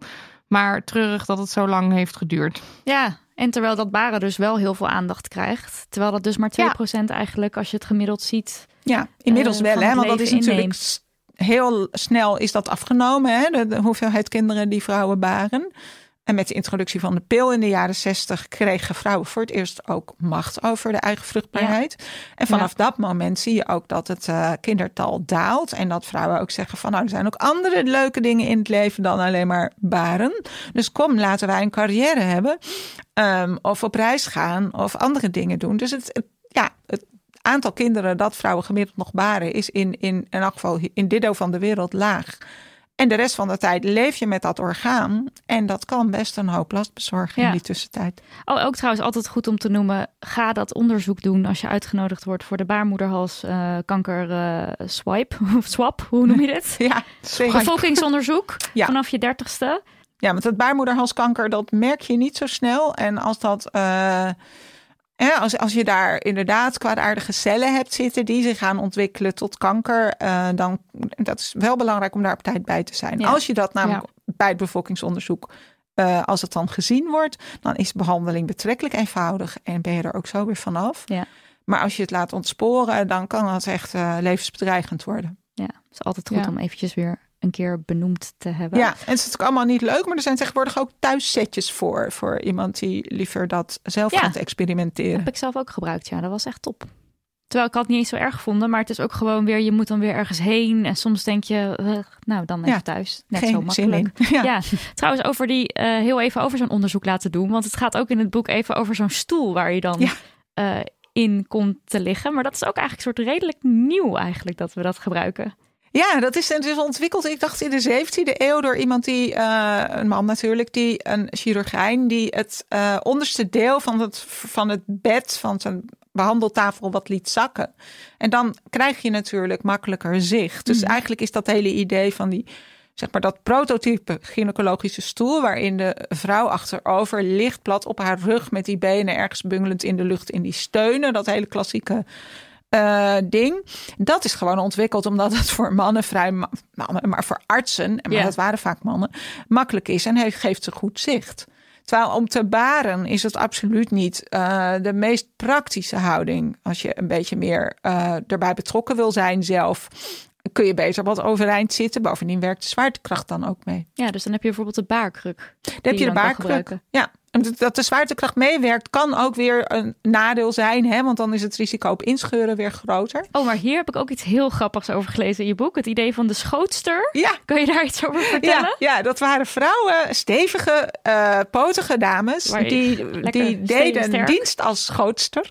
En de barende vrouw kon bij hen op schoot zitten. En dan aan haar aan weerskanten van de schootster stonden dan twee hulpjes. Die hielden de barende vrouw onder de oksels vast. En dan kon dus die schootster zat wijdbeens. En dan kon de barende vrouw zo als een soort levende paarkruk... Ja. kon ze op die manier een kind ter wereld brengen. Maar die hulpjes die konden dan ook helpen met het, om het te- tegengaan van het perineum. te- Ja. Dat dat niet ging scheuren. Ja. Dan konden ze er een doek of zo een warme tegenaan doek. Dus die hielden daar een warme doek tegenaan. En de vroedvrouw zelf, die zat dan eh, op de grond... ja, voor en die kon dan het kindje opvangen en die schoot die, die twee hulpjes die hielden dan een doek zo tegen en de perineum is het stukje tussen de vagina en de anus ja, dat dat niet dat scheurt dat kan inscheuren en als dat gebeurt is dat verre van leuk Ja, geweldig, geweldig dat dit allemaal En- bestond. Toch? Maar en, en wat, wat doet de baarmoeder nou? Welke rol speelt de baarmoeder zelf nou bij het baren? nee de baarmoeder is, is eh, degene die de, de weeën veroorzaakt dus het, begin, het eerste deel van de baring dat zijn de ontsluitingsweeën dus de baarmoedermond moet opengaan En die, is- die is altijd dicht. Hè? Dus dat, dat, dat, wij weten allemaal hoe naar dat is als je iets door die baarmoedermond heen wilt doen. Bijvoorbeeld een spiraaltje of zoiets. Ehm, dus die baarmoedermond zit heel stevig dicht. De ontsluitingsweeën die zorgen dat die baarmoedermond zich gaat openen. Eh, en dat gaat dus door een soort van krampende beweging van de baarmoeder. Gaat die baarmoedermond langzaam open. En het deel 2 van een bevalling, dat zijn de baringsweeën of de dat gaat de uitdrijvingsfase is dat. Dan zorgt de baarmoeder dus dat dat kindje naar buiten wordt geduwd. Gewoon echt het En dat is echt een Mm. behoorlijk... eh, ik voor een spier op zo'n enorme rek... en dan zoveel kracht genereren, dat vind ik wel echt uniek. Ja, het is geweldig. Ja. Maar het is dus ook nog steeds niet helemaal bekend wat er nou precies voor zorgt dat er op een gegeven moment ge- ge- uitgedreven gaat worden. Nee, nee wat de ook baring in gang zet, dat weten we niet Ja. precies. Er is dus lang gedacht dat het het kind was, eh, dat een signaal geeft op een of andere manier. Het moet een samenspel zijn tussen moeder en kind. Ja, Het wordt waarschijnlijk ook al voorbereid een aantal dagen. En als het moment daar is, is het niet te missen. en Uh, onomkeerbaar, maar je toch? kunt het dus niet. En is het ook als het, als het echt doorzet, is het onomkeerbaar. Dan kan je echt niks anders meer dan gaan baren. Dat is eigenlijk ook wel volkomen logisch. En al die verhalen over wat je eraan kan doen. Hè, want op een gegeven moment, ja, je kan erdoor overvallen worden. Maar het kan ook zijn dat het gebeurde bij mij. Dat je kind best wel lang blijft zitten. En dat je denkt, mag nu, Nu mag echt het wel, wel een keer. Ja, Nou, dan zijn er allerlei eh, verhalen wat je dan zou kunnen doen om dat te bespoedigen. wonderolie. Mm, wonderolie. Seks hebben, en toch? Seks, hebben, ja. Ja. ja. Nou ja, en het strippen, daar is tussen vroedvrouwen en gynaecologen altijd eh, discussie over. Vroedvrouwen doen dat. Die maken dan met hun vingers een beetje zo rond de baarmoedermond die vliezen los. Maar doet dat dan niet ook heel veel pijn? Nou, het is niet een heel leuk gevoel, Mm. maar ik vond het ook niet verschrikkelijk. Oké. Ehm, en dat zou dan helpen om de bevalling op gang te brengen. Maar gynaecologen zeggen, de meeste gynaecologen zeggen van nou, wij geloven daar niet in. Nou ja, er zijn ook voetreflexmassages Oh ja. die zeggen ook dat ze dat doen. En zo zijn er zijn lijsten, ook nog in onze tijd zijn er heel veel van die middeltjes en van die eh, bakerpraatjes eh, en van dit helpt en dat helpt. En het kan natuurlijk best dat het in jouw geval werkt. Dus Nou ja, het ding is natuurlijk als jij op het punt staat eh, om steeds dichter bij, eh, bij het bevallen Ja. te komen, dan als je dan toevallig de dag daarvoor zo'n Dan denk je behandeling, dat het dan werkt. ja, dat is logisch Ja. natuurlijk. Ja. Ja. Hey, en en eh, van het baren dan nog eventjes naar de laatste fase, de, de overgang. Eh, hier willen we trouwens nog een keertje een, een hele aflevering over maken, want de, de overgang verdient een hele aflevering.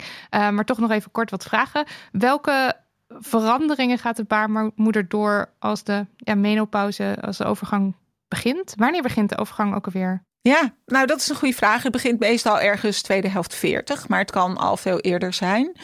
Ehm, het wordt al eerder voorbereid, dus de cyclus veroudert al vanaf je 35ste. eh, Ja, dit las ik en het ik heel schokkend, want ik word dit jaar 35 en toen dacht Aha, ik, oh nee. It's happening.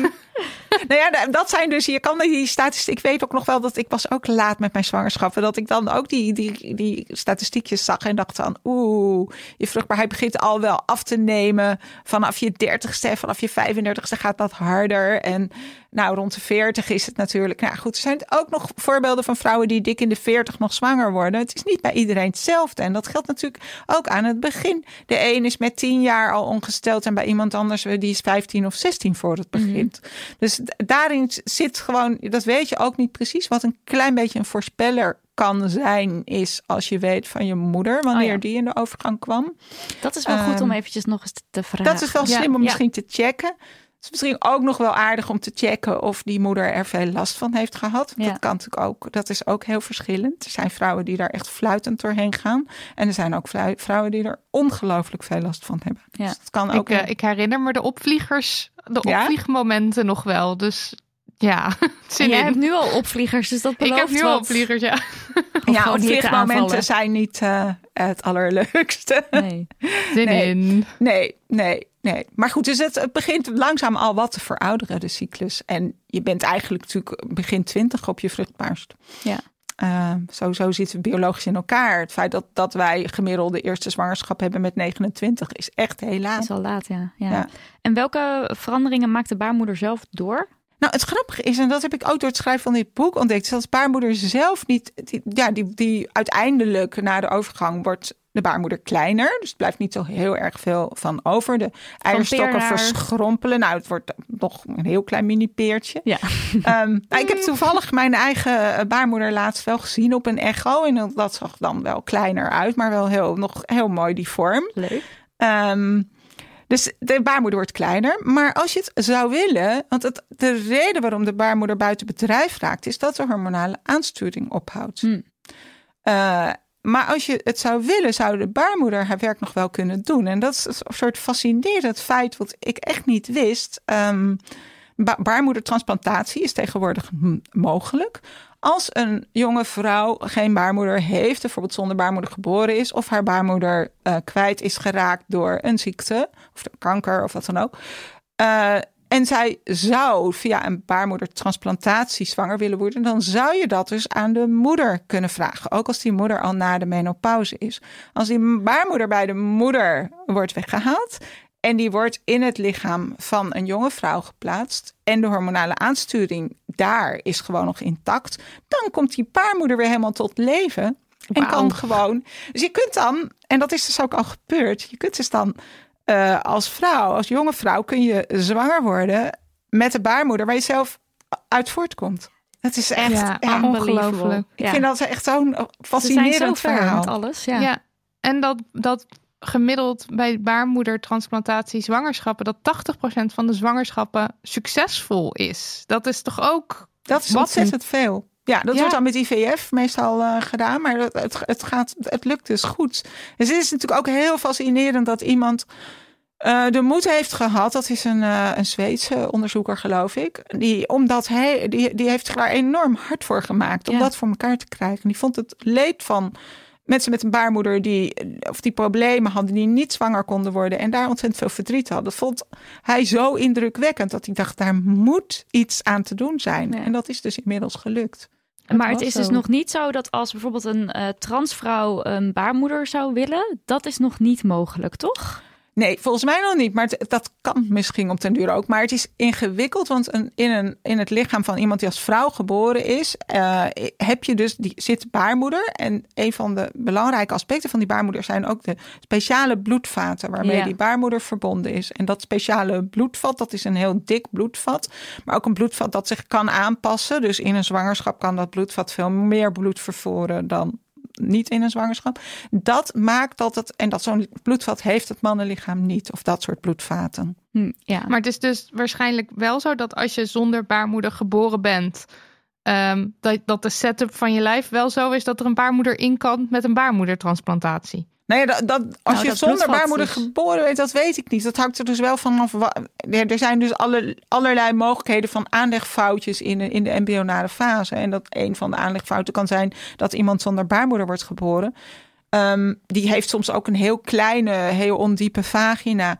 Het is natuurlijk de vraag, je kan allerlei varianten hebben. Kan Als er wel zijn, ja. eierstokken zijn en zo'n bloedvat is er wij, dat is een andere situatie dan als er ook geen eierstokken zijn. Ja, ja, ja. Dus ehm, die, die, en dat zijn wel zeldzame aandoeningen, maar wel hele eh, aangrijpende aandoeningen. Die, en, en dat duurt vaak ook wel een tijdje. Daar kom je meestal pas achter als, eh, als je opgroeit en er komt geen menstruatiecyclus op gang. ja. En dan denk je eerst nog een paar jaar van, nou ja, ik ben gewoon laat. Laat, hè? ja. Al mijn vriendinnen zijn al ongesteld, maar bij mij is het nog steeds niet begonnen.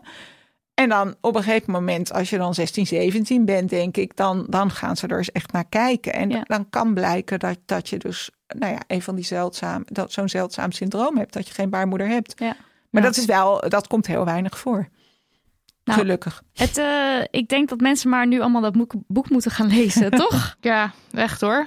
En eh, nou ja, er er zijn gewoon. eh, Het is zeg maar, we gaan dan. Je gaat in het boek zo door de wervelwind van alle onderwerpen heen. En nou ja, alle onderwerpen op zich verdienen natuurlijk een eigen aflevering. Ja. We hebben er over een paar al een aflevering gemaakt. De overgangaflevering komt er zeker.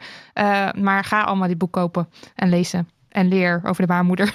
Ja, wat misschien nog leuk is over het boek om te zeggen, is dat er ook heel veel ervaringsverhalen in Ja, staan. ja, ja. ja. Ja. En dus Goeie, dat het niet inderdaad. alleen maar een soort theoretisch verhaal, of nee, het is sowieso. Sowieso is het niet saai. dat kan ik je sowieso al vertellen. Maar inderdaad, er komen ook allemaal mensen aan het woord die allemaal hun eigen ervaringen hebben en eh, hun verhaal delen. Dankjewel. Bedankt.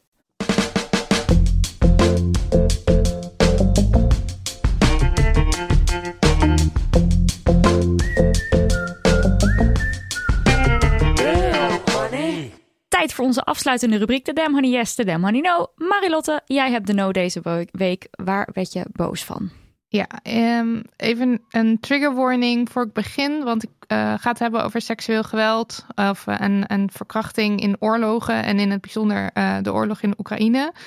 Ehm, ik vind het een heel zwaar onderwerp. Ik ben er ingedoken, maar het is gewoon, ja, het is, het is vreselijk. Ehm, want eh, nou ja, de, Oekraïne, eh, de oorlog in de Oekraïne duurt, eh, duurt voort. Ehm, en er komen steeds meer verhalen bovendrijven over, over seksueel geweld. Door ehm, het Russische leger tegen het Oekraïense volk. Wat ik voornamelijk nu lees is tegen Oekraïense vrouwen en meisjes. Soms wordt het woord kinderen ook wel gebruikt. Ehm, ik weet niet of dat compleet is. Ik denk ook wel dat het misschien tegen, nou ja, mannen, non-binaire mensen. Ehm, maar het lijkt er dus op dat verkrachtingen eh, door het Russische leger worden ingezet als oorlogswapen. En dat gebeurt vaker, zo niet altijd. eh, in oorlogen, dat seksueel geweld wordt ingezet als wapen. Ehm, ik kwam een boek tegen van Christine Lam. En zij heeft het boek geschreven Our Bodies, Their Battlefield, What War Does to Women. Ze heeft het dus voornamelijk over eh, vrouwen en meisjes. Ehm, en haar boek gaat over oorlogsverkrachtingen wereldwijd. Zij noemt het het goedkoopste wapen dat de mens kent. Ik heb dit boek niet gelezen, maar wat ik er nu over gelezen heb, is het eh, wel echt een, een tip als je hierin zou willen verdiepen. Ehm, ja, ik weet, ik weet niet zo goed wat ik moet zeggen, want ik ben er gewoon erg van onder de indruk dat er ehm, zulke ernstige eh, verhalen zijn. Eh, het is verboden om, om mensen te verkrachten, ook in de wereld van de oorlog. Er gelden wetten. Ehm, je mag niet verkrachten, seksueel geweld gebruiken. En iedereen die dat wel doet en iedereen die medeplichtig is aan zulke daden, die pleegt oorlogsmisdaden. En eh, de vreselijke verhalen over seksueel geweld en over verkrachtingen die nu naar boven komen, die worden zoveel mogelijk gedocumenteerd. Eh, bijvoorbeeld door de organisatie Human Rights Watch. Je kan op hun website best wel gedetailleerde verhalen vinden. Ik zal er verder niet te diep op ingaan. Ehm, maar nu veel gebieden, dus bijvoorbeeld rondom Kiev ehm, en eh, in, in Bucha bijvoorbeeld, weer worden verlaten, eh, wordt de schaal van, eh, van dat seksueel geweld wel steeds duidelijker. Ik ben helemaal emotioneel van. Ehm, nou ja, tussen de lichamen die daar gevonden worden zitten bijvoorbeeld veel kinderen met sporen van seksueel geweld. En ehm, nou, Human Rights Watch heeft nu een aantal verhalen opgetekend. Worden foto's verzameld, rapporten uit het ziekenhuis bestudeerd. Ehm, maar dat is natuurlijk ook heel moeilijk wel in een land waar de oorlog nog volledig eh, gaande is en waar het allemaal nog woedt. Ehm, ze zeggen bij Human Rights Watch ook: we zitten nog vroeg in het conflict. En ik vrees dat we nog veel meer van dit soort verhalen gaan horen. Vooral vanuit plekken die momenteel onder controle zijn van de Russen. Pas als zij zich terugtrekken, kunnen we echt onderzoek gaan doen. Dus wat er bijvoorbeeld in Mariupol gebeurt en, en is gebeurd, daar kunnen we nu alleen nog maar naar gissen. En het ehm, voelt heel machteloos, want eh, ja, de hulp voor slachtoffers is ook niet optimaal nu. Eh, er speelt natuurlijk alsnog ook heel veel schaamte, angst voor stigma, vernedering. Eh, waarschijnlijk komt lang niet iedereen met diens verhaal naar buiten. Er is een hele groep men- grote groep mensen een, een onbeschrijfelijk trauma aangedaan en hun leven is verwoest. Een samenleving is ontwricht. Ehm, nou ja, ja, wat ik erover wil zeggen is nog: het is goed dat de verhalen worden vastgelegd en dat er getuigenissen worden afgenomen. ehm, in de hoop dat de daders uiteindelijk ooit berecht zullen worden voor het internationaal strafhof. Ehm, ook al is dat dus heel, heel moeilijk en die kans is klein. Volgens mij is ehm, verkrachtingen eh, zijn ook niet, nog niet zo heel erg lang daadwerkelijk voor de wet verboden. Nou ja, het is ook dus moeilijk om misdadigers te berechten. Ehm, nou, Plan International is bezig met uh, medische en psychologische hulp bieden aan, uh, aan de slachtoffers. Um, ja, ja, wat kan ik erover zeggen? Het is verschrikkelijk. Het is vreselijk. Ja, ja, dat is het. Ja. ja. Het is gewoon een heel zwaar onderwerp. Nou ja, en ook de ongewenste zwangerschappen die hieruit voortkomen, ja. moet je voorstellen. Ja, dat, dat, dat las ik dus ook nog ook over, uh, ook in dat, uh, over dat boek van Christine Lam. Dat ook uh, zeg maar de ongewenste zwangerschappen die daaruit voorkomen. Ook dat is een soort, is een manier om, om een bevolking, om slachtoffers te controleren en constant weer te confronteren met wat hen is aangedaan. Het is, het is echt. Nou ja, ik zet wel een linkje naar dat boek neer, want dat lijkt me een enorme um, eye-opener ook. Uh, Nidia, vertel even wat leuks. ja, uh, iets, uh, iets lichters. ik, heb, ik heb er twee. De eerste zou ik even kort houden. Er is vanaf nu een waarschuwingsplatform voor sekswerkers in Nederland. Ugly Max heet dat. En daar kan je geweld melden en waarschuwingen over gevaarlijke klanten krijgen en je klanten checken. Dat bestond dus nog niet. En ook als je zoekt op meldpunt sekswerker, dan krijg je juist allemaal meldpunten waar je dus sekswerkers kan, ja, soort van aangeven of zo. Zo van, oh, ik denk dat mijn buurvrouw... Dus zeg maar juist iets wat niet sekswerkers beschermt...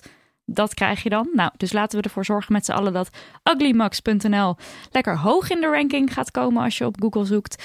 Uh, zodat het vak uh, veiliger uh, wordt. Dan mijn andere Damn Honey Yes heeft te maken met abortus. Dat is natuurlijk ook een onderwerp wat bij jou in, in jullie boek ook goed uitgebreid besproken wordt. Uh, en je bent ongetwijfeld op de hoogte van het bestaan van de Abortus Buddies in Nederland, ja? Dat is een initiatief wat uh, alweer eventjes geleden gestart is hier in Nederland in 2019 door de bovengrondse in samenwerking met het Humanistisch Verbond en het Nederlands Genootschap van Abortusartsen. En Abortus Buddies, dat zijn dus vrijwilligers die op verzoek van bezoekers begeleiding kunnen bieden naar de kliniek. En tegenwoordig is het een zelfstandige stichting geworden. Dat heet Stichting Samen naar de Kliniek. En zij zetten zich ervoor in dat niemand dus alleen uh, zich alleen hoeft te voelen of alleen naar de kliniek hoeft. Uh, het is deels deels bedoeld als een soort schild tegen de anti-abortusdemonstranten, die ook helaas in Nederland nog altijd uh, hun ding doen. Maar ook als steun en toeverlaat. Want er zijn ook natuurlijk mensen die naar de kliniek gaan en uh, daar verder met niemand over kunnen of durven of willen spreken. En op die manier hebben ze dan toch iemand bij zich. En wat dan nu uh, specifiek de yes is, is dat de stichting gaat uitbreiden naar Utrecht. Want ze waren al actief in Den Haag en Rotterdam. En het idee is dus ooit om overal waar een kliniek gevestigd is, dat je daar ook een buddy kan aanvragen. Maar nu gaan ze dus beginnen met het uh, opzetten in Utrecht. En als je dit nou hoort en denkt, ik zou me best wel willen aanmelden als vrijwilliger, dan kan dat tot zaterdag 30 april. En dat kan via de link die ik in de show notes zet. Dus dat is op demoney.nl slash aflevering 91. En ook heel goed om te weten, vanaf de zomer, dus ongeveer midden juli 2022, kan je als bezoeker van de uh, kliniek, dat is het Vrelinghuis, kan je dus een abortusbuddy aanvragen. En dat gaat via samen naar de kliniek .nl. Dus nou ja, het lijkt me belangrijk dat zoveel mogelijk mensen dit initiatief weten. En uh, ja, wil je vrijwilliger worden, geef jezelf op. Heel goed initiatief. Ja. Dit was aflevering 91. Corine, dankjewel. En uh, biografie van de baarmoeder ligt nu in de boekhandel. Ja, Marlies ook uh, bedankt uh, in, in, ja, op afstand. Ik hoop dat ze voelt dat ik nu dit zo naar haar toe straal. Ja.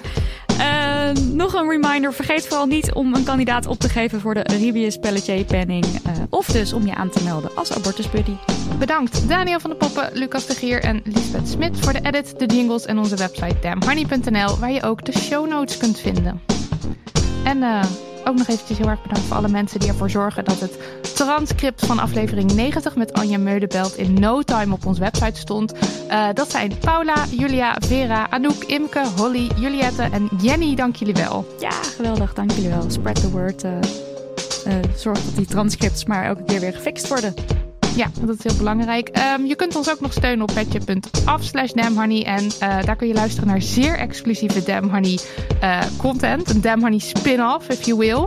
Uh, je doet het er maar bij, de podcast noemen we hem. En volgende week hebben we een heuse gast... die ons onze astrologische staat van zijn gaat uitleggen. Wil je dat missen? Nee, dat wil je niet. Voor een eurotje per maand kun je meeluisteren. Of je mist het wel, hè? Dat mag ook. Ja, precies. Zelf weten. Zelf weten. Doei! Doei! Dag!